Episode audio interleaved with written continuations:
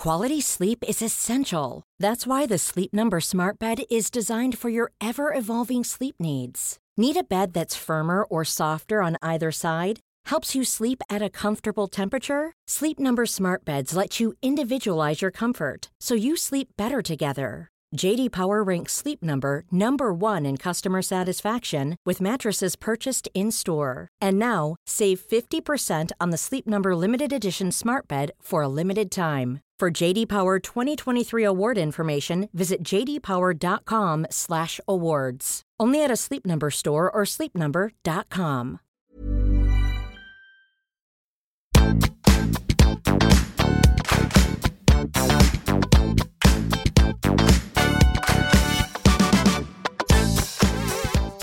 Hei, alle sammen, og velkommen tilbake til podkasten Karriereveiledning med Elaine.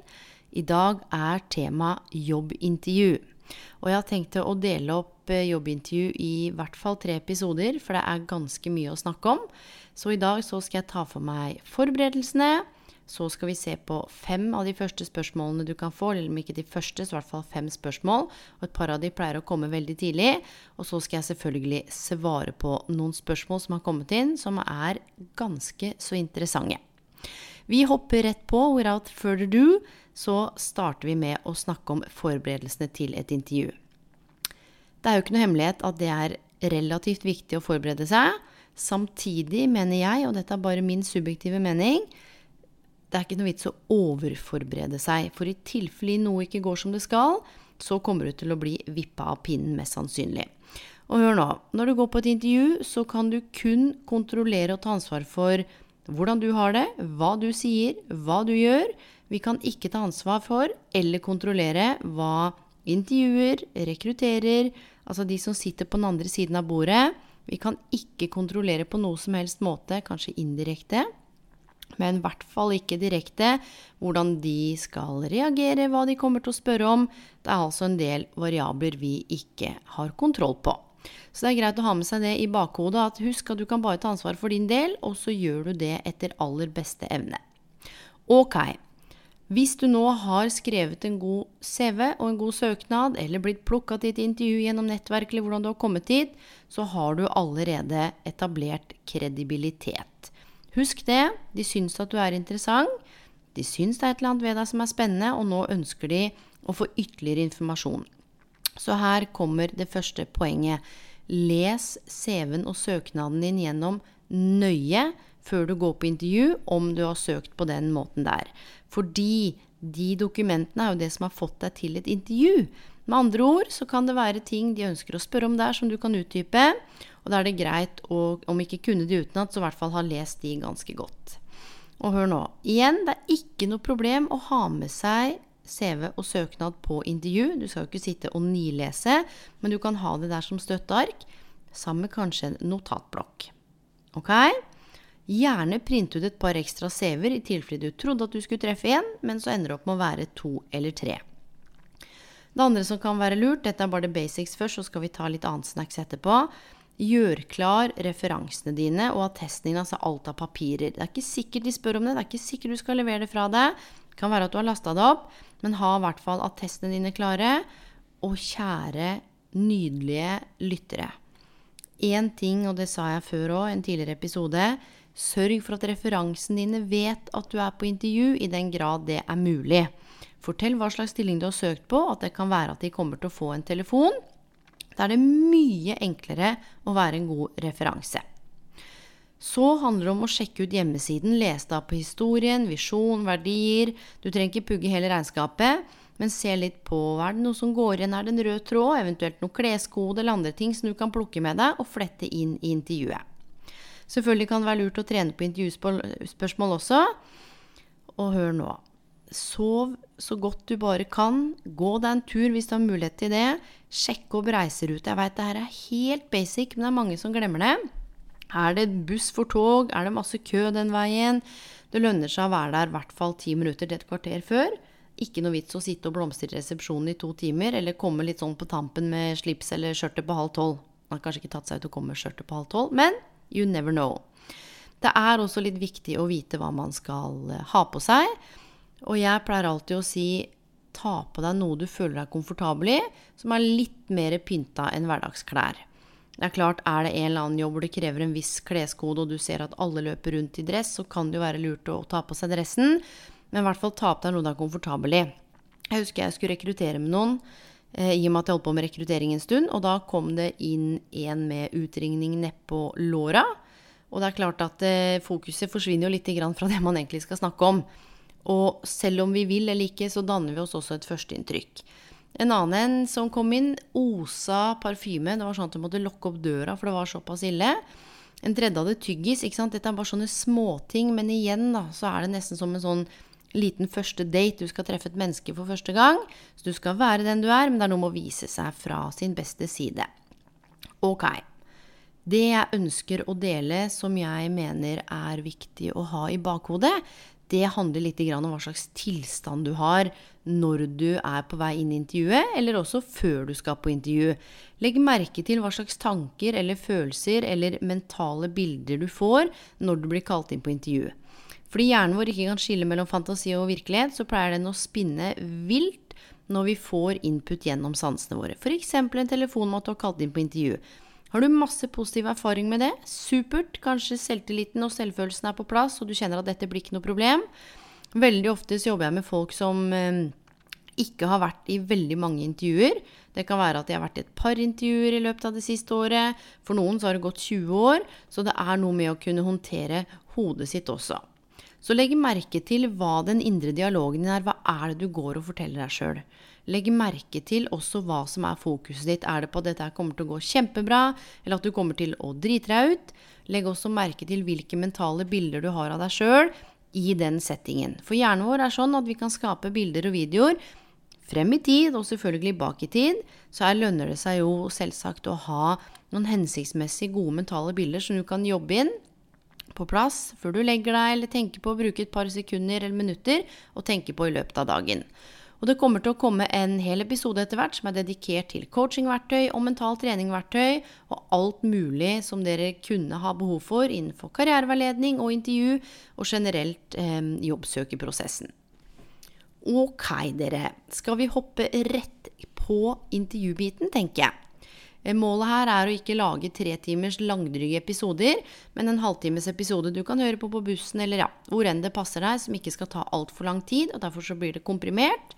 Det blir noe generelt, så her igjen gjelder det å plukke med seg det du tenker er relevant, og så kan du applisere det hvis du ønsker det. Ok, vet du hva? De fleste som skal på intervju, mine venner, blir nervøse. Vet du hva? Det betyr bare at du bryr deg. Ikke ikke unnskyld at du er nervøs i et intervju.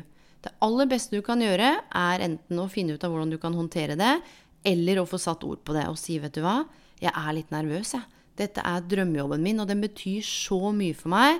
Jeg ville bare si fra om det. Dette her er et viktig øyeblikk. Det er én måte å roe seg selv ned på. Men jeg har jobbet mye med intervjutrening, og det første folk starter med før jeg har fått sagt hei omtrent, er å si 'unnskyld, å herregud, jeg er sånn her og da blir jo fokuset mitt på den nervøsiteten. Men det å kunne sette ord på det og si at du er nervøs fordi dette betyr så mye for deg, det viser at du evner å være sårbar, det viser at du er åpen, det viser at du er raus. Veldig ofte så roer det ned mennesker på andre siden av bordet også. Det betyr ikke alltid at dette er noe du skal gjøre. Her må du se an lite grann. For selv om du kanskje ikke kjenner deg nervøs hjemme, så er det noe med at hjemme er det trygt, eller eh, på kafeen er det trygt, eller når du kommer inn i selve bygget hvor du skal ha intervju, så endrer konteksten seg. Så bare husk det. At ofte så skjønner vi ikke helt hva som skjer med oss, men så er det fordi at vi endrer lokasjon eller endrer kontekst. Og det kan være nok til at vi kjenner at pulsen går opp, og vi blir litt svett i hendene og tørr i munnen. Så når du kommer inn der, og der, hvis det er en resepsjon, og dette her igjen er helt basic. basic. Jeg veit at dere veit det.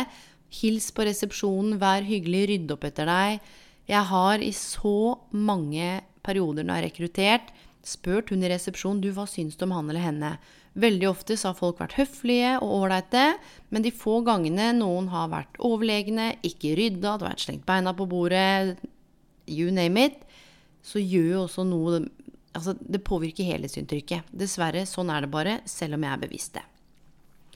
Så når du blir ropt opp, eller når noen kommer for å hente deg, så er det selvfølgelig dette med håndtrykk. Det veit jeg at de fleste av dere veit, så det skal vi ikke bruke tid på. Oftest blir du henvist til en stol, og så blir du tilbudt vann eller kaffe eller te. Og det kan jo være greit å takke ja til, for om du er kjempenervøs og hendene dine går over alle hauger, så kan du bare holde rundt glasset på en rolig måte, slipper å sitte på hendene dine. Jeg intervjua folk som har sittet på hendene sine. Og da har jeg spurt du, jeg er litt nysgjerrig, hva som sitter du på hendene dine? Er du såpass eh, ivrig? Det er viktig også, dere, å bruke hendene for å understreke det du sier. For er det én ting jeg har lagt merke til, det er når folk ikke er helt enig med seg sjøl, eller vrir litt på sannheten, eller det ikke er samsvar mellom det de sier og det kroppen viser. Kroppen vår lekker så mye informasjon ubevisst, og om vi sier at kommunikasjon er 100 da, så er ordene dine altså utgjør 7% Tonaliteten din, om du snakker høyt, lavt, altså klang, rytme, fort, sakte, utgjør 38% og resten, mine venner, er kroppsspråk. Så her er det også lurt å følge med på kroppsspråket til den som intervjuer deg. Sitter de fremoverlent, er de avslappa, har de beina i kryss? Så kan du godt ikke speile de nødvendigvis, gjøre akkurat det samme, men det går an å følge med på kroppsspråket og matche det. Så om ikke du sitter helt likt, så om intervjueren leder seg framover, så kan du kanskje lene deg litt fremover også, så ikke du trekker deg helt tilbake. Og så er det jo en myte, altså dette med å sitte armene i kors. Da sies det at det er man uengasjert eller kjeder seg eller For meg så er ikke det tilfellet. Jeg reiser jo verden rundt og holder foredrag og snakker med folk, og det er utallige mennesker som har hatt armen i kors. Jeg tenker aldri at de er uengasjerte, men fordi det er en litt sånn stereotypi der ute, så kan det være greit å bare ha det i bakhodet. Så veldig ofte så er det et par åpningsspørsmål. Og det aller første spørsmålet som veldig få forbereder seg på, det er 'fortell om deg selv'. Og da er jo spørsmålet hva er det du egentlig skal fortelle om? For dette er et relativt åpent spørsmål som du kan dra i alle retninger. Du kan jo holde en monolog i flere timer hvis du ønsker det. Så her er nøkkelen. I hvert fall opplever jeg. Keep it short, sweet and simple. Ikke sant? Når du vet hva slags stilling du har søkt på, så formidle det som er relevant. Det kan godt være selvfølgelig navn, hvor du er fra, familiestatus, altså samboer, barn, om det er viktig. Få i hvert fall fram hvorfor Ikke nødvendigvis med en gang hvorfor du har søkt den stillingen, det kan du komme tilbake til ganske kjapt. Men få rett og slett fram relevant erfaring, relevant utdanning. Kanskje du har relevante interesser, kanskje du har relevante hobbyer. Kan godt være at du har relevant erfaring i forhold til kultur eller språk. Se for deg at rollen du skal gå inn i, om det er regnskapsfører, barnehagemedarbeider, lege, pedagog, hotellsjef, hva vet jeg, at du har den rollen i panna. Og før du går inn på intervjuet, så håper jeg du har gjort deg noen tanker om hvis jeg skulle rekruttert noen inn i den stillingen her, hva er det som hadde vært viktig for meg? Så her handler det om å styre det spørsmålet i den retningen som gjør at det er relevant for intervjuet, og gi dem noen litt sånn teasere som du kan plukke opp senere ved å si at vet du hva, ja, jeg er jo veldig interessert i det på fritiden og leser mye selv. Det er også noe som gjør at jeg syns denne stillingen her er spennende. For det kan mest sannsynligvis, hvis de er gode til å rekruttere eller intervjue, så kan de plukke opp det seinere. Så sørg for at det er en rød tråd gjennom å fortelle om deg selv. Kanskje være en liten sånn kort oppsummering av CV-en din, eventuelt søknaden din, at du fletter inn litt derfra, og andre ting du tenker er relevant. Men igjen, hold det kort, og gjør det litt spennende. Hva som skjedde i 1972, det er ikke nødvendigvis så relevant. Jeg hadde en jeg intervjua en gang som brukte én time, og da valgte jeg ikke stoppe, rett og slett bare for å se, som brukte én time. Fortelle at hun var en del av et bowlinglag i 1972, og hadde flytta herfra til derfra i 1974. Eh, jeg har fått lov til å bruke historien hennes, men poenget er at det var ikke relevant for stillingen da, som var i 2017. Så trekk ut det som er relevant, mine venner. Og så handler det om Du kan godt være litt personlig ved å flette inn noen av verdiene dine hvis det er relevant i forhold til jobben du søker. Så det er ofte det første spørsmålet man blir spurt, og det er her mange sklir ut i alle mulige retninger. Så nå regner jeg med at du får skrevet en liten sånn elevator pitch, som jeg kaller det. Det trenger ikke være på 30 sekunder, men ett-to minutter Vet du hva, jeg vet ikke helt, men i hvert fall sånn at du kjenner deg komfortabel med at ikke du holder en monolog i altfor lang tid. Her kan du faktisk, når jeg tenker meg må, si noen ting om motivasjonen din, bare kort. Fordi ofte, ganske kjapt, så kommer spørsmålet 'Hvorfor har du søkt denne jobben?' Og da, hvis du titter i søknaden din, eller husker hva du skrev, så har du skrevet noe om motivasjonen din der. Nå er det muligheten for å utdype det. Det er hele nøkkelen. Hvis du har skrevet at motivasjonen din er ABC, så utdyp ABC. Ikke kom med F, G og H eller P, Q og R. Om du gjør det, så i hvert fall utdyp det du har skrevet først, og så sier du i tillegg at vet du hva, etter jeg har lest mer om dere, eller blitt bedre kjent med dere, eller nå som endelig sitter her, så kommer jeg faktisk på at dette her er jo selvfølgelig også noe som trigger meg. Dette er en av driverne mine. Åh. Og husk, når du snakker om motivasjon, veldig ofte hvis det er reelt, og du mener det, så syns det på kroppsspråket ditt, det høres på stemmen din, og du blir oppfatta som kongruent. Så fortell om deg selv. Det er et av spørsmålene som kommer ganske tidlig. Hvorfor har du søkt den stillingen? er også noe som kommer ganske tidlig. Det handler om motivasjon, og her er det mange som svarer fordi jeg har lyst på nye utfordringer. Det er samme som når vi snakket om søknad. Fordi jeg har lyst til å utvikle meg. Jeg, jeg, jeg, jeg. Og vet du hva? Du er kjempeviktig. Men arbeidsgiver, rekrutterer, sitter og tenker What's in it for me? What's in it for us? Så her handler det om å få fram hva er det du kan bidra med? Hva er det ved deg som gjør at når de velger deg, så kommer du til å være en bidragsyter til arbeidsmiljøet, til teamet, til arbeidsoppgavene, med egenskapene dine, til kundevekst eller kundetilfredsstillhet, det de er på jakt etter i stillingen. Så her får du fram bidragene, og selvfølgelig hva som driver deg. Så er det et annet spørsmål. Det er ikke nødvendigvis at det kommer tidlig, men jeg har valgt å ta det med. For det er relativt relevant, opplever jeg. Og det er hvordan takler du stress? 95% av de intervjua, de ser på meg med store, runde øyne, og så sier de til meg 'Jeg elsker stress. Jeg jobber godt under press'. Da ringer alle varsellampene mine. Og de ringer fordi at det er vel ingen som ønsker å stå i stress eller press konstant. Og hvis du forteller meg at du jobber godt under press, så ville jeg spurt deg så de periodene hvor du ikke er i press, hva skjer med deg da? Så her handler det om å få fram at selvfølgelig trår du til når det er hektiske perioder. Selvfølgelig håndterer du stress, og gjerne kom med noen eksempler. Men samtidig, husk på CV-en din, så har du skrevet noe om interesser. Få fram også at du har noen interesser, eller noe som gjør at du i hvert fall får en viss balanse i livet. Igjen så er dette avhengig av hva slags stilling du søker. Ok? Det er ikke alle stillinger hvor det nødvendigvis lønner seg å si at jeg trives ikke så godt under stress.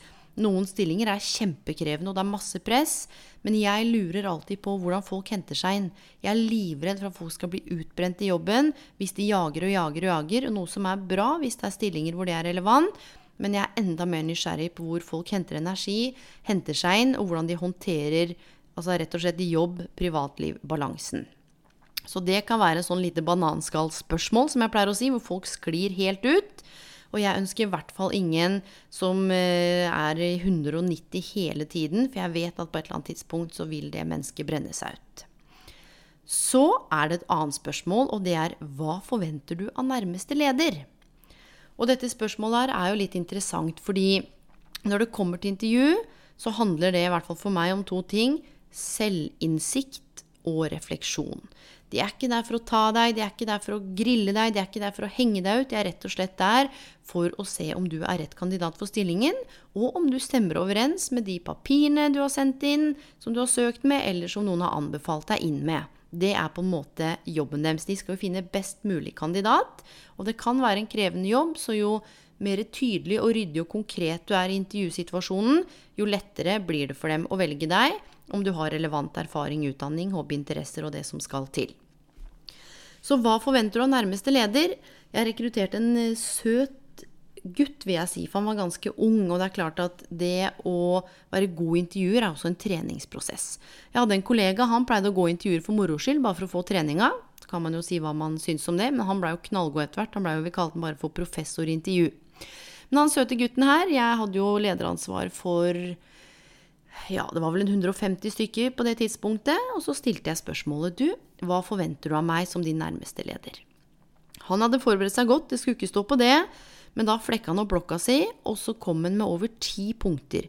Jeg skulle motivere, jeg skulle inspirere, jeg skulle rose, jeg skulle følge opp. Skulle? Det var ikke måte på. Og poenget at jeg ble jo mer og mer svett der jeg satt, fordi jeg hadde såpass mange å følge opp. Så det som kan være lurt her, er å plukke ut én eller to ting du virkelig kjenner du har behov for av din nærmeste leder. Det kan jo være spørsmål som du, det jeg har behov for, er jo Fins det en fadderordning her? Er det en opplærings- eller onboardingsplan? Hvordan er det i forhold til uniform eller datautstyr? Altså sånne konkrete ting som kan være lett for en leder å håndtere. For det blir relativt overveldende hvis jeg skulle fulgt opp 150 mennesker, og hver av de hadde ti sine punkter på hvordan de ville at jeg skulle være. Så når det spørsmålet kommer, så kjenn virkelig etter hva er det du trenger av din nærmeste leder. Er det trygghet de første ukene, så si det. Men samtidig få fram at du er selvstendig og autonom når du blir trygg i rollen, og at det går relativt kjapt hvis det er tilfellet. Jeg hadde en annen jeg rekrutterte også, og da spurte jeg om du skulle fått jobben i dag, og dette var en torsdag, hvor raskt tenker du at du kunne begynne å bidra?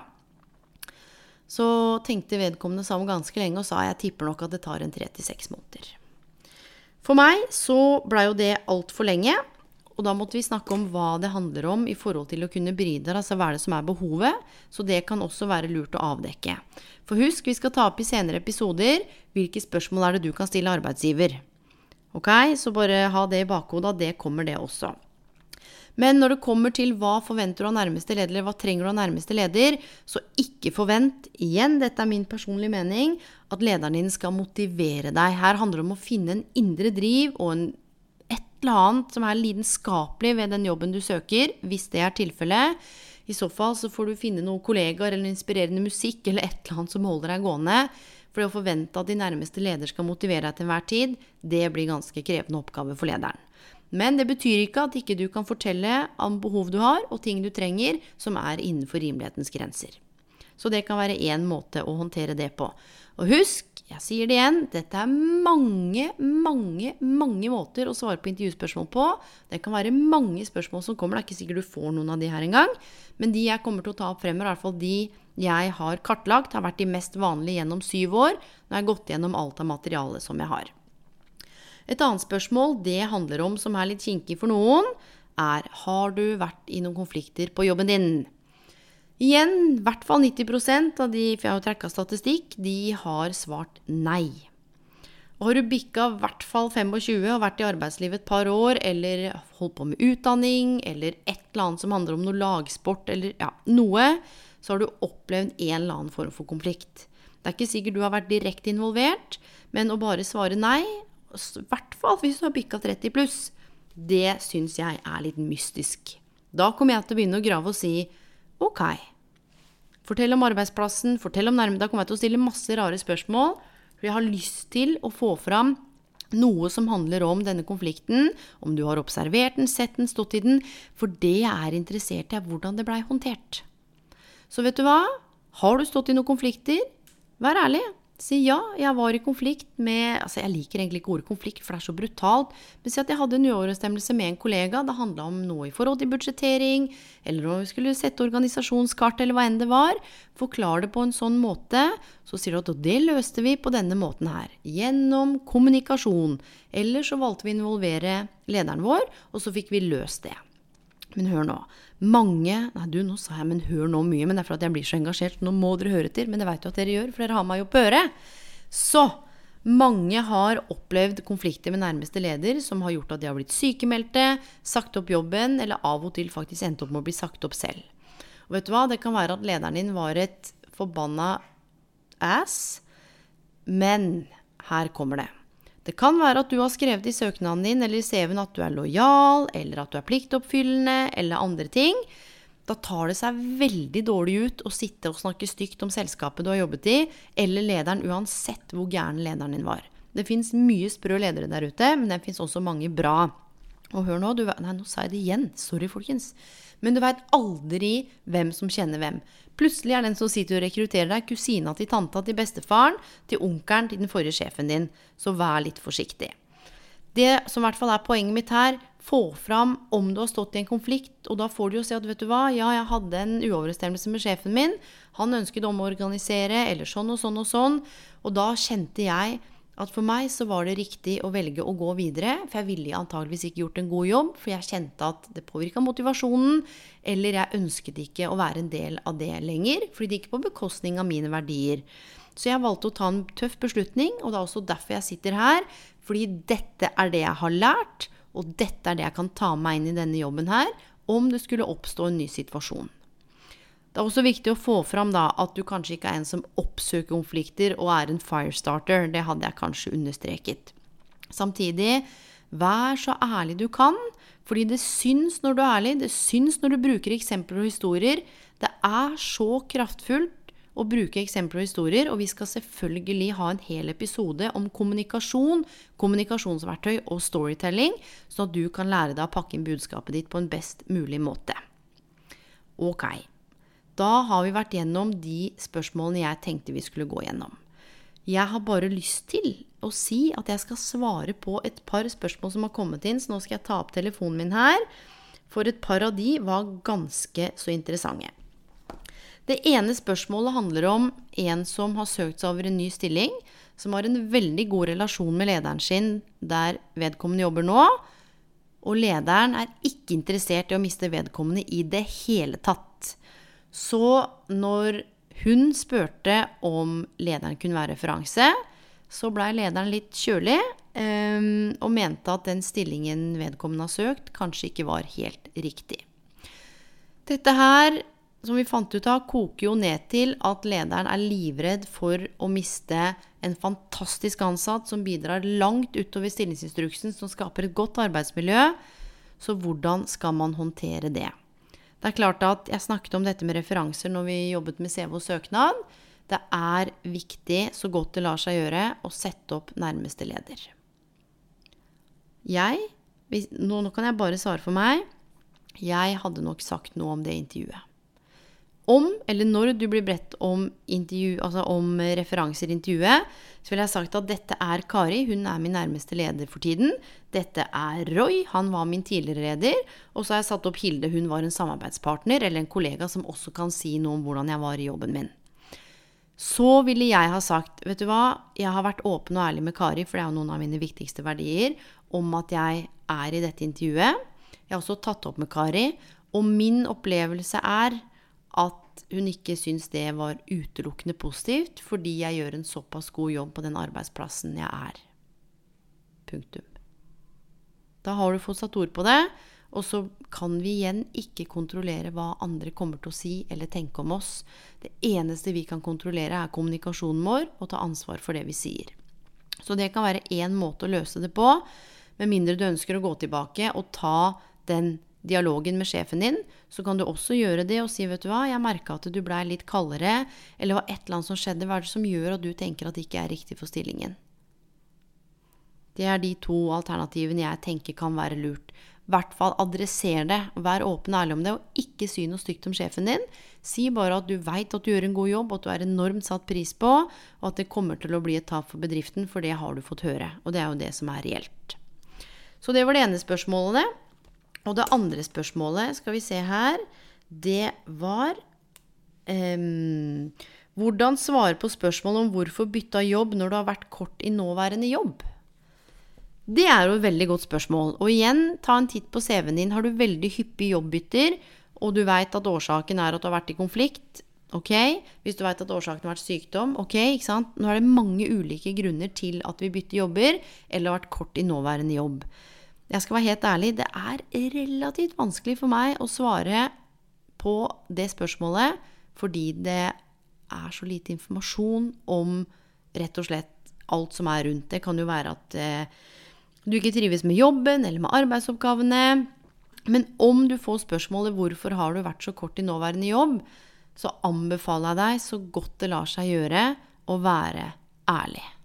Men igjen, husk at dette her er første møte.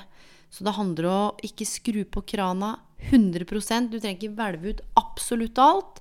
Men er det noe med arbeidsmiljø, er det noe med arbeidsoppgavene, ble du lovet noe, og så blei det ikke sånn, så går det an å få fram det på en ordentlig måte, hvor du ikke skylder på selskapet nødvendigvis, eller på jobben, men si at du kjenner på at du har integritet nok til å kjenne at dette her ikke er riktig for deg.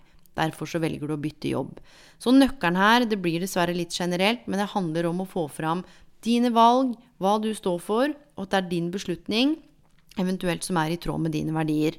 Og kjære deg som, har, som hører på podkasten og som har sendt inn det spørsmålet, gjerne send meg litt mer informasjon hvis du ønsker, så kan jeg utdype det. Ok? Så har jeg fått et annet spørsmål, og det handler om jeg blir alltid så redd før jeg går på intervju.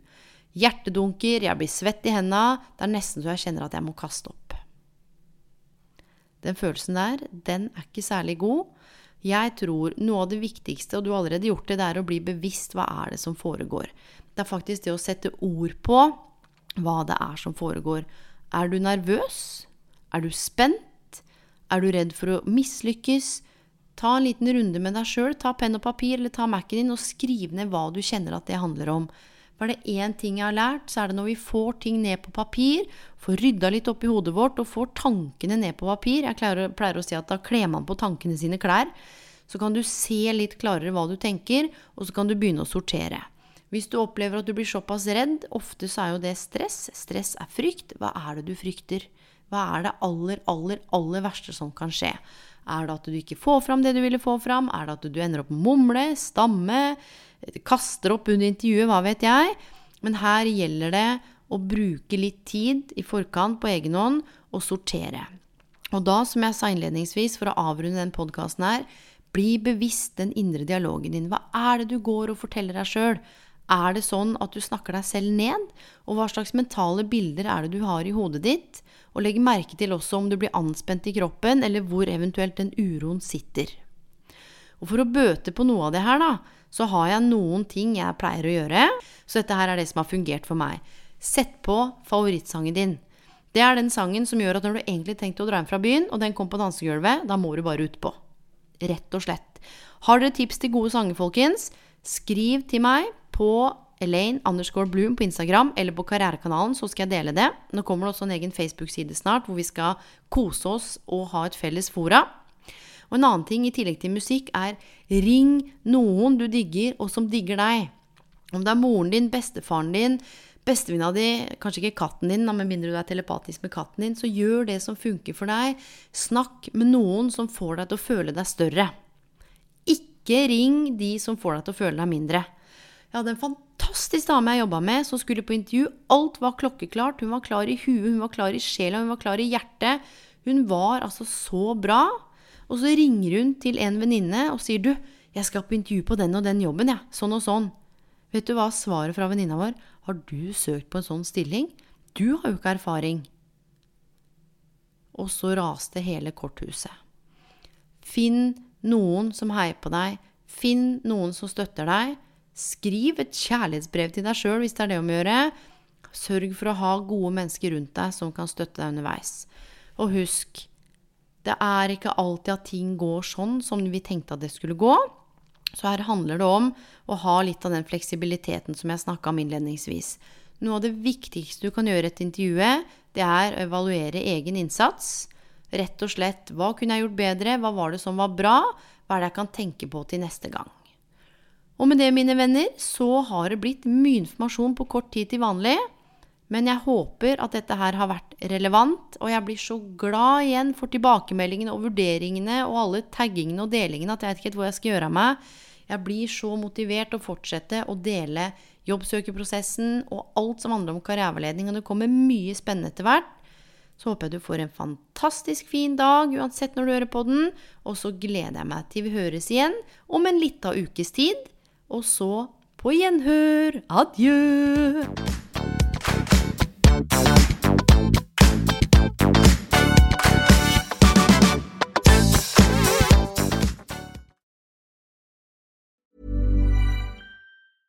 Planning for your next trip? Elevate your travel style with Quince. Quince has all the jet setting essentials you'll want for your next getaway, like European linen, premium luggage options, buttery soft Italian leather bags, and so much more. And is all priced at 50 to 80% less than similar brands. Plus, Quince only works with factories that use safe and ethical manufacturing practices. Pack your bags with high-quality essentials you'll be wearing for vacations to come with Quince. Go to quince.com/pack for free shipping and 365-day returns. Ever catch yourself eating the same flavorless dinner three days in a row? Dreaming of something better? Well, HelloFresh is your guilt-free dream come true, baby. It's me, Kiki Palmer. Let's wake up those taste buds with hot, juicy pecan-crusted chicken or garlic butter shrimp scampi. Mm. Hello Fresh. Stop dreaming of all the delicious possibilities and dig in at HelloFresh.com. Let's get this dinner party started.